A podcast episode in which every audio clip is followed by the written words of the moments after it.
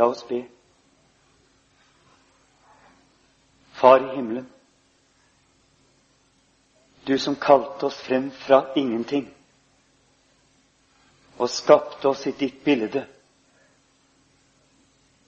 Du som så oss da ingen enda visste at vi var til. Vi ber deg om at du nå må gi oss Den hellige ånd, så vi kan komme tilbake til vår begynnelse. Komme tilbake til deg. Høre ditt ord inn i vårt mørke og inn i vår død. Og våkne til det sanne og virkelige livet. Det ber vi om i Jesu navn. Amen. Vår Herre Jesus Kristus, da han hadde avsluttet sin bergpreken, da sa han til sine disipler Ikke enhver som sier til meg, Herre, Herre, skal komme inn i himlenes rike men den som gjør min himmelske Faders vilje. Mange skal si til meg på hin dag, Herre, Herre, har vi ikke talt profetisk ved ditt navn og utdrevet onde ånder ved ditt navn og gjort mange kraftige gjerninger ved ditt navn?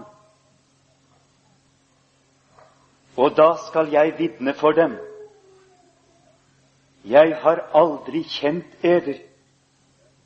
Vik bort fra meg, I som gjorde urett.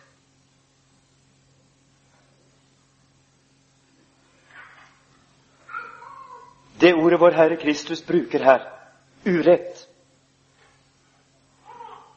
det heter i gresken anomia. Det betyr egentlig lovløshet. Og apostelen Paulus, når han forteller om de siste dager, når antikristen skal stå frem, da sier han at antikristen skal komme med lovløshetens hemmelighet. Antikrist kommer med mange store under og tegn, slik at endog de utvalgte skal kunne føres vill, om det er mulig. Men kjennetegnet på Antikrist er lovløshetens hemmelighet. Det samme ordet som Jesus bruker her i bergprekenen. Vi lever i en religiøs tid med veldige åndsmanifestasjoner, med store tegn og undre som vi stadig får høre om, med helbredelse på høye tribuner for tusenvis av mennesker. Det kringkastes, og det sendes med TV utover hele verden. Tegn og under, profetisk tale, kraftige gjerninger.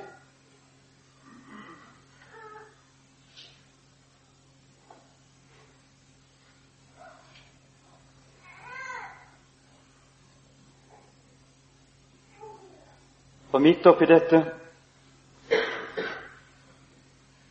lovløshetens hemmelighet oppløsningen av Guds bud. Et evangelium som umerkelig har forandret navn fra syndenes forlatelse til syndenes tillatelse.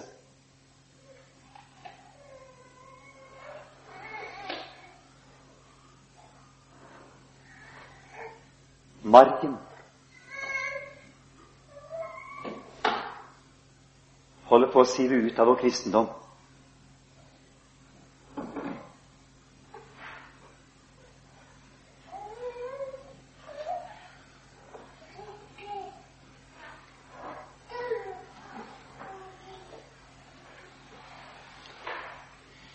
La oss be.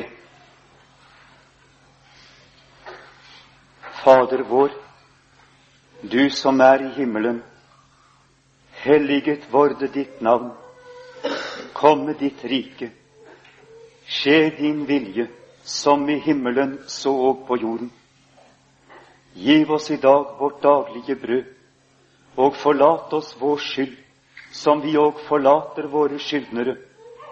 Og led oss ikke inn i fristelse, men frels oss fra det onde.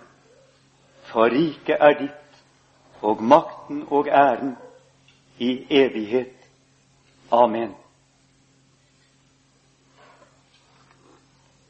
Denne hellige lektie, prekenteksten på 19. søndag etter pinse, står skrevet i 2. Mosebok i det tyvende kapittel, og det lyder slik i Jesu navn.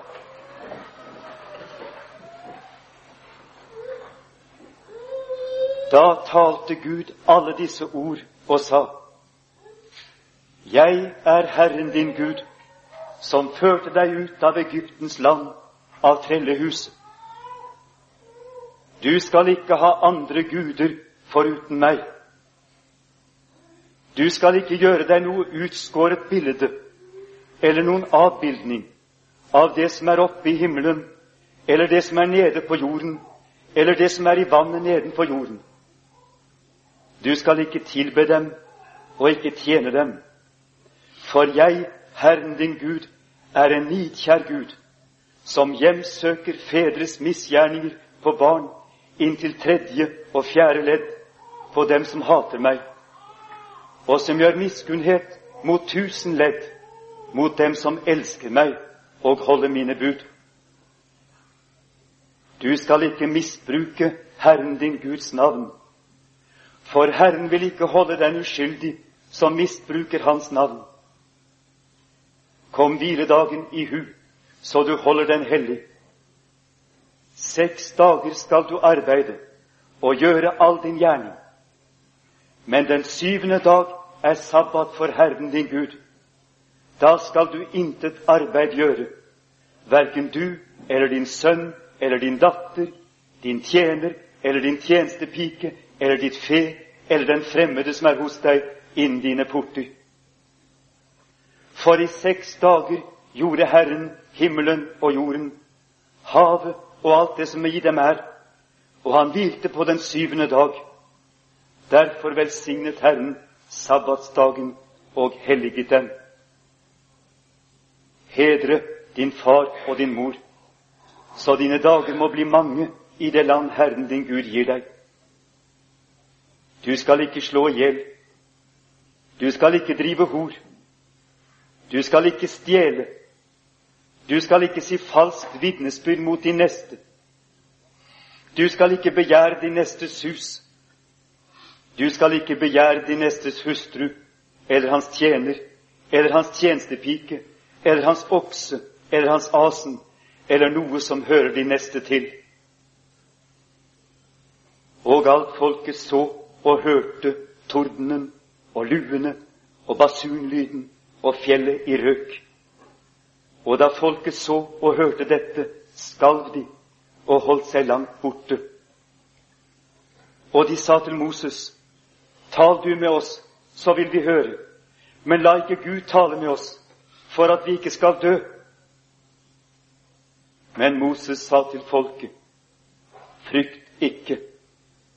Gud er kommet for å prøve eder, og for at frykt for ham skal være over eder så I ikke synder. Så ble folket stående langt borte, og Moses gikk nær til mørket, hvor Gud var. Hellige Far, hellige du oss i sannheten. Ditt ord er sannhet. Amen.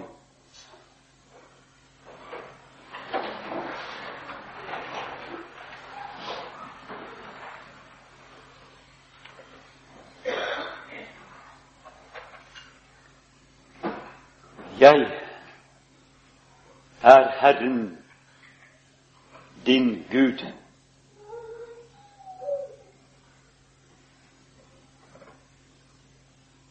Hvem er denne jeg?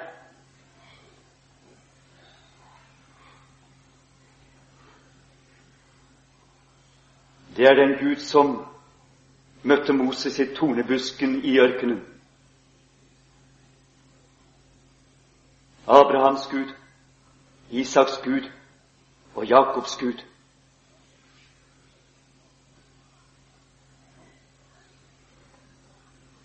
Og da Moses spurte om hans navn, da svarte han, 'Jeg er den jeg er'.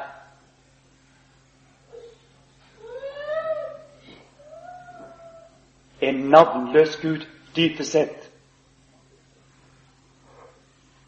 Fordi det er umulig å forklare ham og si hvem han er, ut fra våre tanker og begreper.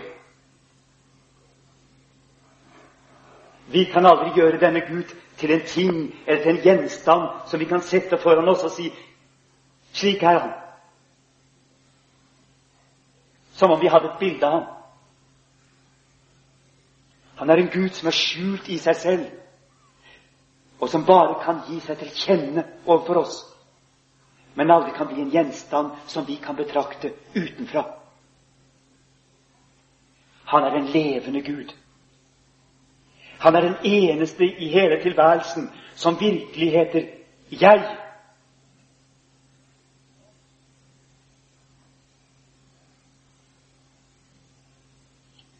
Og når han sier til Moses 'Jeg er den jeg er',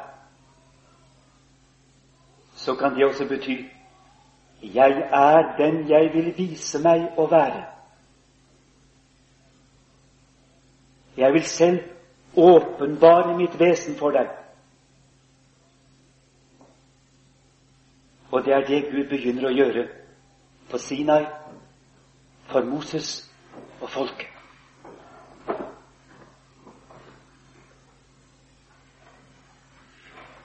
Israel hadde et eneste bilde av Gud, tegnet på tavler av sten, hans hellige bud. Selv om han skjuler sitt ansikt i skyer og ild, kjenner du Skaperen godt hvis du vet hva han vil.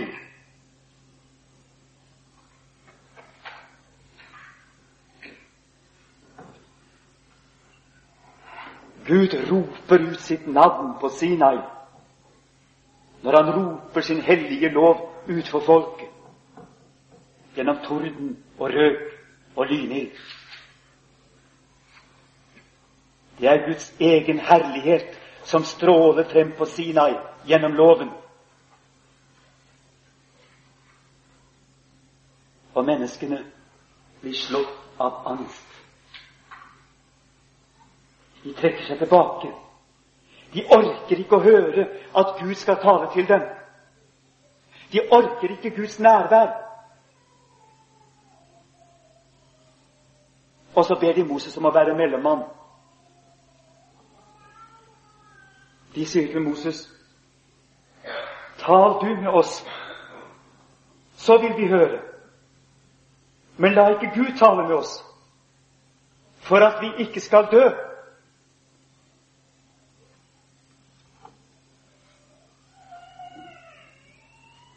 Det er ikke tordenen, det er ikke røk, og det er ikke lynilden. Men det er Guds hellige nærvær i sin lov som skremmer dem like inn i det dypeste av hjertet. Hvis Gud skal fortsette å tale slik med oss, så direkte, da må vi dø.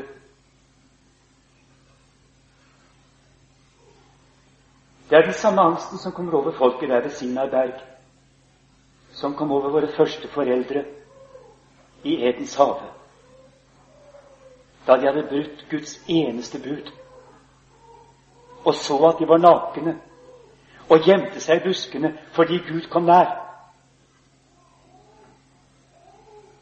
De kunne ikke tåle Guds nakne nærvær fordi de selv følte seg blottet og nakne og avslørt.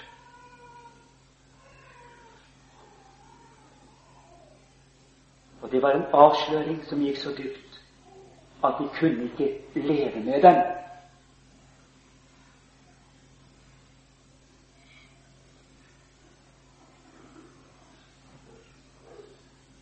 Slik virker Guds bud på dypet i oss.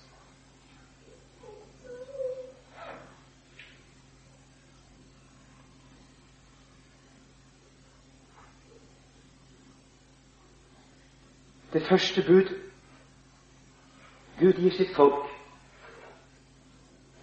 det er at ikke de skal gjøre seg noe bilde av ham. Og heller ikke av noen annen skapning, og gjøre det til Gud.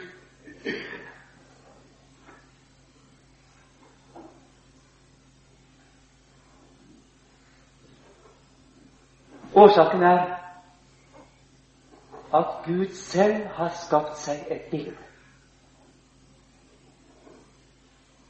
Ikke bare i lovens bokstaver på sten, men inn i sitt skaperverk har han satt sitt bilde. Og det er mennesket.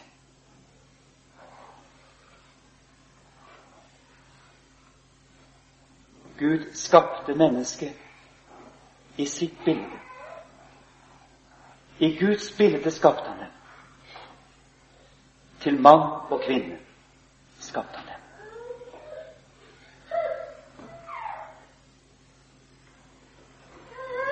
Det levende mennesket som lever fullkomment etter Guds lov. Det levende mennesket som med hele sitt liv åpenbarer Guds gode vilje, er det eneste gudebildet som fins i vår verden. Og det er skapt av Gud selv i paradis.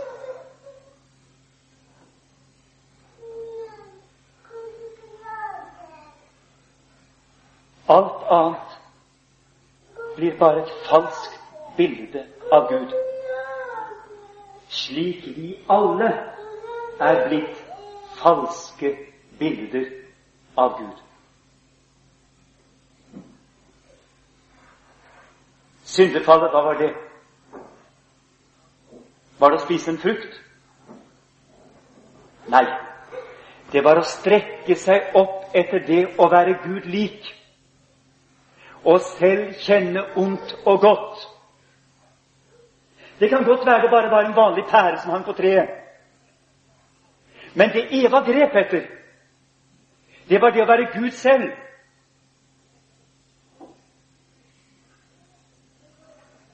Og selv bestemme hva som var rett og galt, godt og vondt. Bli sin egen målestokk, bli sin egen mening. Selv bli sentrum i verden. Selv bli den som sier 'Jeg'.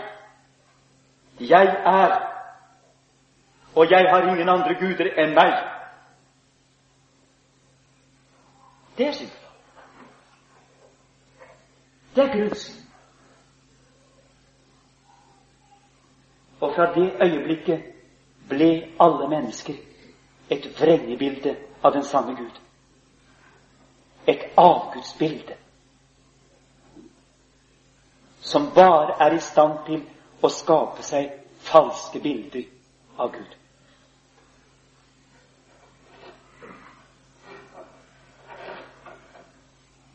Det sanne bildet, det kan bare gjenopprettes ved at Gud igjen åpenbarer sin vilje i verden, slik han først gjorde det på Sinai berg da hele hans hellighet, renhet, sannhet, godhet strålte frem og slo oss med angsten fra paradiset. Gjorde oss til syndere fra å være opphøyde guder.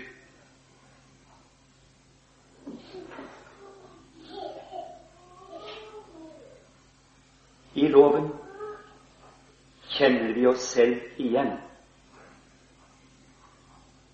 I den herlighet, sannhet, godhet, renhet som åpenbares gjennom budene, når vi forstår dem rett, ser vi hva vi selv har falt ifra, hva vi har fornektet, hva vi har tråkket på, hva vi har skitnet til.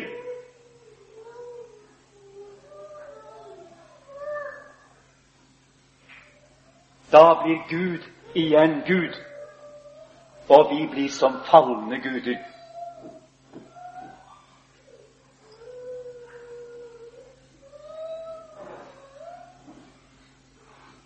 Men Gud stanset ikke der med å gi sin lov og holde dette fryktelige stein opp foran oss, så vi kunne se oss selv som vrengebilder av Gud, som falne mennesker. Men han sendte sin sønn.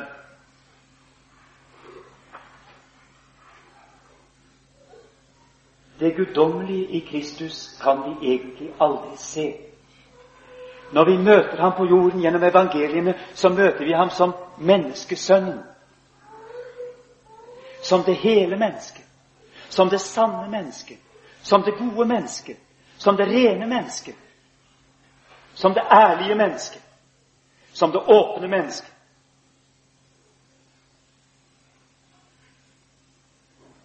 Hva møter vi da? Vi møter den gjenreiste sannhet om oss selv. Vi møter Guds lov i kjøtt og blod. Ikke lenger på steintavlene, men som et levende medmenneske. Vi møter Han som ikke har andre guder enn Gud i himmelen. Som ikke har holdt det for et rov å være Gud lik men har gitt avkall på det og tatt en tjenerskikkelse på seg for å bli vårt medmenneske. For Guds skyld. For vår skyld. Og vi møter Han som aldri misbruker Guds navn. Hva betyr det egentlig å misbruke Guds navn? Jo, det betyr å holde Guds navn som en fane opp foran seg. I virkeligheten seile under falsk flagg. Du skal ikke bruke Guds navn som et falskt flagg over ditt liv. For Det er den fromme synd. Prestesynd og fariseersynd og kristenstandssynd. Hykleriets synd. Det begynner Gud med like etter at han har sagt du skal ikke ha andre guder enn meg. For når du får meg til Gud, når du får meg opp i hendene, så vil du begynne å misbruke meg, sier Gud, for han kjenner oss. Men Jesus er ikke slik. Det er ingen falskhet i hans forhold til Gud. Og Derfor kan han avsløre alt hykleri. Og du møter ham som holder sabbaten hellig, mye dypere enn noe fariseer kunne gjøre. Han holdt den til sist hellig da han lå i sin grav, og holdt en fullkommen sabbatshvile fra alle sine gjerninger for alt var fullbrakt. Der hvilte han i den dype død som vi også skulle ha gått inn i om vi skulle holdt en virkelig sabbathvile.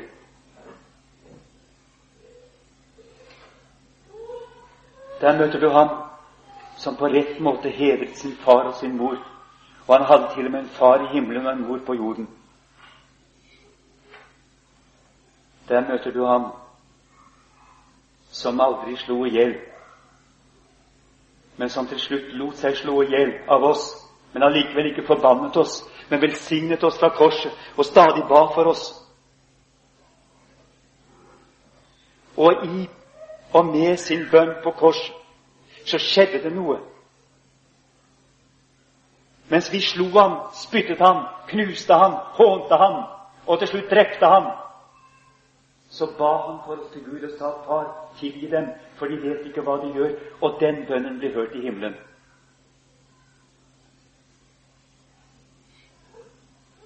I Jesus møter du ham som aldri brøt ekteskap og aldri drev hor. Og kvinnene møtte for første gang en ren mann i ham. Disse fortellingene om kvinnene Jesus forteller det. I Jesus møtte de den sanne og rene og gode mann. Ja, de møtte sin sjels brudgom. De møtte den brudgom som ga sitt liv for sin brud, slik Paulus sier i Efeserbrevet i det femte kapittel. Som siden ble et forbilde for alt som heter brudgom på jorden. Han som ga seg selv for sin brud, for å forløse henne fra dødens og djevelens makt. Han den trofaste. Det var det sjette bud. Syvende bud han som aldri stjal, men som tvert imot ble fattig enda han var rik, for å gjøre oss rike. Som ga seg selv for oss. Delte vårt hjert, sitt hjerteblod med oss. Aldri tok noe fra oss, men ga oss hele seg selv. Men selv ikke hadde det han kunne helle sitt hode til og alltid levde i dyp fattigdom for å være fri. Og der møter du ham som aldri sa falskt vitnesbyrd mot sin neste, men alltid førte ærlig tale, og det kom bare sannhet ut av hans munn. Og han, istedenfor å anklage oss, så gikk han i forbønn for oss hos Faderen jeg gikk til angrep på anklageren, som er djevelen, og rev anklageskriftet ut av hans hender og naglet det til korset. Anklageskriftet som gikk oss imot, og som talte sannhet om oss. Det tok han bort idet han naglet til korset. Og slik oppfylte han det åttende bud. For den niende og tiende bud skal ikke begjære din nestes hus eller hans hustru eller noe som hører din neste til. Han begjærte aldri noe av dette. Han visste hvordan det bandt oss. Han forsøkte å befri oss fra de båndene som bandt oss. Sånn som en rik unge mann, f.eks. Han visste at vår skatt måtte være i himmelen om vi skulle være fri. Det visste han, og det levde han etter. Det gjennomførte han helt og fullt som et medmenneske i kjøtt og blod. Og slik, slik forkynte han loven for oss. Og samtidig ble denne forkynnelse av loven til forløsning for oss.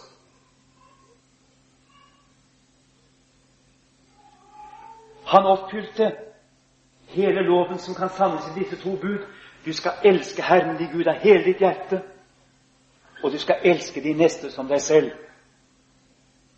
Og det er hemmeligheten med Jesu liv. Det er oppfyllelsen av loven i Jesu liv, og det er samtidig vår frelse.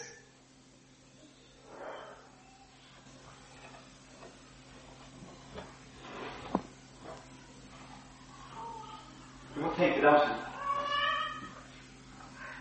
På den ene siden er han bunn og forpliktet til Gud Fader i hele seg selv og hele sin. Han kan ikke svikte Gud. Samtidig så er han, fordi han skal holde loven, bundet til sin neste. Men det krever sin kropp. Han er jo så bruk av kjøtt og blod. Loven krever det. Du skal elske de neste som deg selv.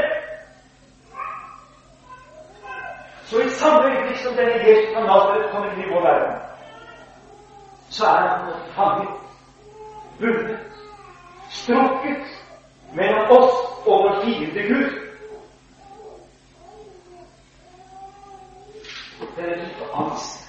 Det er litt mørke som er med oss i Gud. Det som ble åpenbart ved siden av da folk sa du må dø. Og i paradiset og i ditt liv hver gang du kommer deg nær. Dette er det Jesus må ta på seg. Han kan ikke si ditt problem angår ikke meg. For det er de neste som må Jesus si ditt problem er ditt problem. Og det er ikke mitt problem. Fordi jeg er menneske. Samtidig jeg kan ikke slippe det ut. Nå holde fast på Guds sannhet. Jeg må holde fast på Guds sannhet om deg. Sannhet må jeg ta inn over meg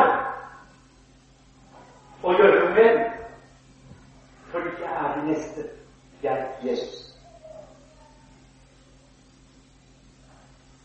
Ellers vil jeg gå under.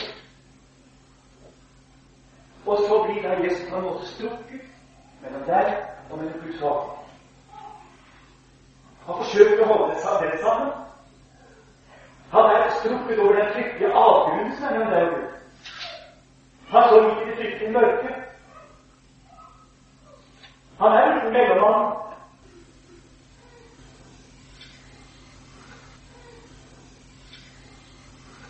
La ikke Gud tale til oss her ikke skal dø.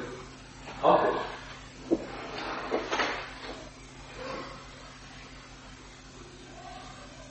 Og slik oppfyller Jesus Kristus det eneste ordet kjærlighetsbud som inneholder alle bud. Og han selv selve livsloven for oss. Ikke lenger skrevet på steintavler, men skrevet på hans kjøtt og blod, hans sår. Det er Guds innskrift, og det er den som går oss på hjertet.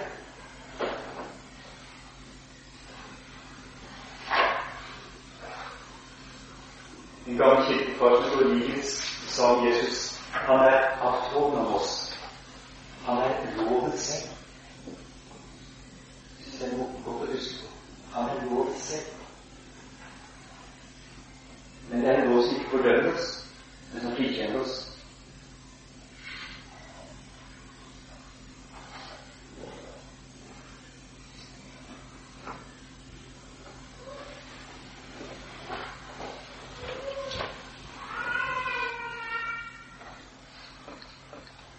Og så til slutt Vi skal snart gå til nattverd. Og i nattverden så sier Jesus disse underlige ord. Dette er den nye pakt i mitt blod, som utgytes for evig til syndenes forlatelse. Og når Jesus bruker disse ord 'den nye pakt', da peker han tilbake til noe som står i profeten Jeremias. Et løfte om at Gud vil innstifte en ny pakt en gang. Og Nå skal vi lese om denne nye pakt og høre hva denne nye pakt innebærer. Hva som er meningen med denne pakt. Det står i profeten Jeremias, altså i det 31. kapittel, og fra det 31. vers, så er det lett å huske. 31, 31. Se, dager kommer, sier Herren, da jeg vil opprette en ny pakt med Israels hus og med Judas hus. Ikke som den pakt jeg opprettet med deres fedre på den dag da jeg tok dem ved hånden for å føre dem ut av Egyptens land, den pakt med meg som de brøt, enda jeg var deres ektemann, sier Herren.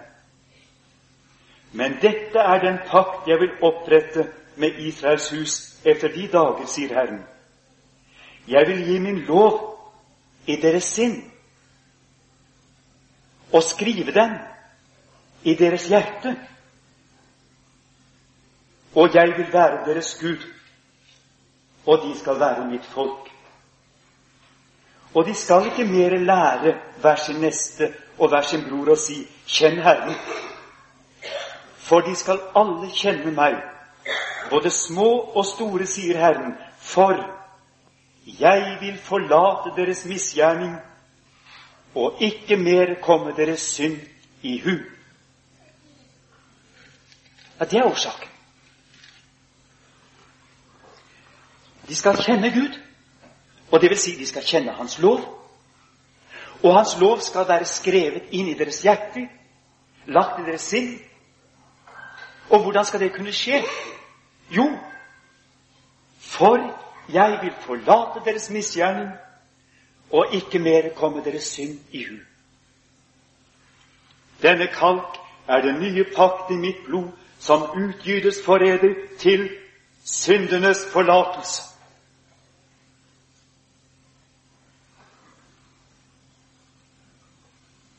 Slik skrives Guds bud og Guds lov inn i våre hjerter. i og med og gjennom møtet med dette evangelium om Jesus Kristus, som ble vår frelser fordi han gjenreiste Guds bilde. Og dette bildet preges inn i våre hjerter. Som Paulus sier. Det står vel i 2. Korinterbrev.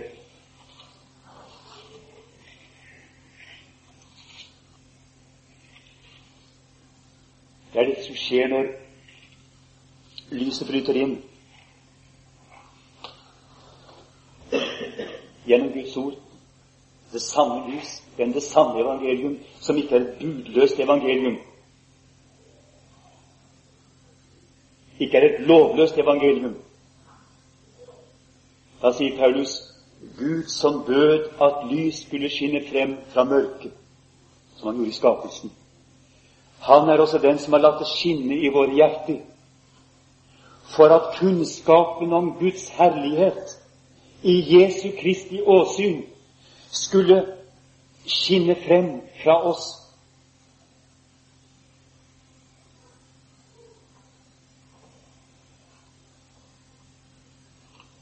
På Sinai er det Guds herlighet i loven. I evangeliet er det Guds herlighet i Jesu Kristi tonekronede påsyn. Og meningen er at det skal lyse frem fra oss.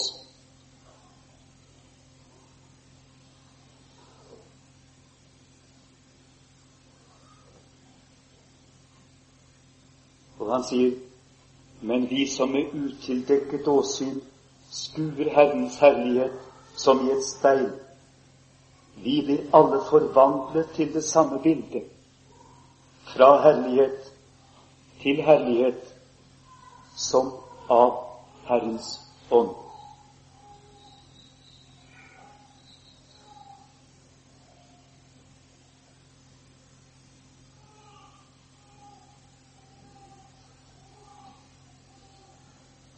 At dette er meningen med evangeliet. At meningen med evangeliet ikke er syndenes tillatelse. Meningen er ikke at Jesus vil la oss leve i det gamle mørket, i tvetydigheten, i tåken. Men han vil løfte oss opp i lyset til et virkelig liv. Det er derfor han forløser oss med sitt blod. Og at det er slik, det kan vi få bekreftet f.eks. i allerede i begynnelsen av Lukas evangelium. Sakarias' lovsang i det andre kapittel. I det første kapittel.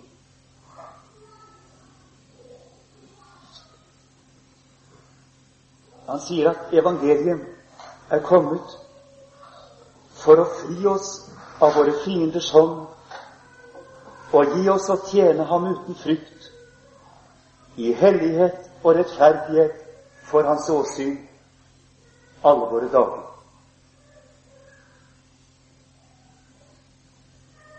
Og i begynnelsen av Efeserbrevet, helt til slutt Et veldig kjent sted som vi bruker ofte,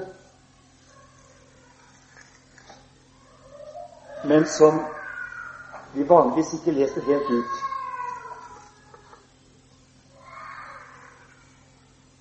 Lovet være Gud og vår Herre Jesu Kristi Fader, Han som har velsignet oss med all åndelig velsignelse i himmelen i Kristus, like som Han utvalgte oss i Ham før verdens grunnvoll ble lagt, for at vi skulle være hellige og ulastelige for Hans åsyn. Legg merke til det. Vi ble utvalgt i Kristus før verdens grunnvoll ble lagt. Hvorfor? For at vi skulle være hellige og ulastelige for Hans åsyn.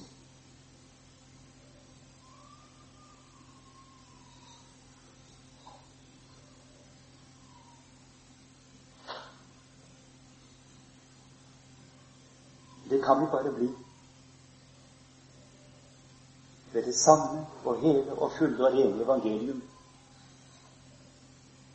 som tar makten i våre hjerter, og dermed tar makten i våre liv.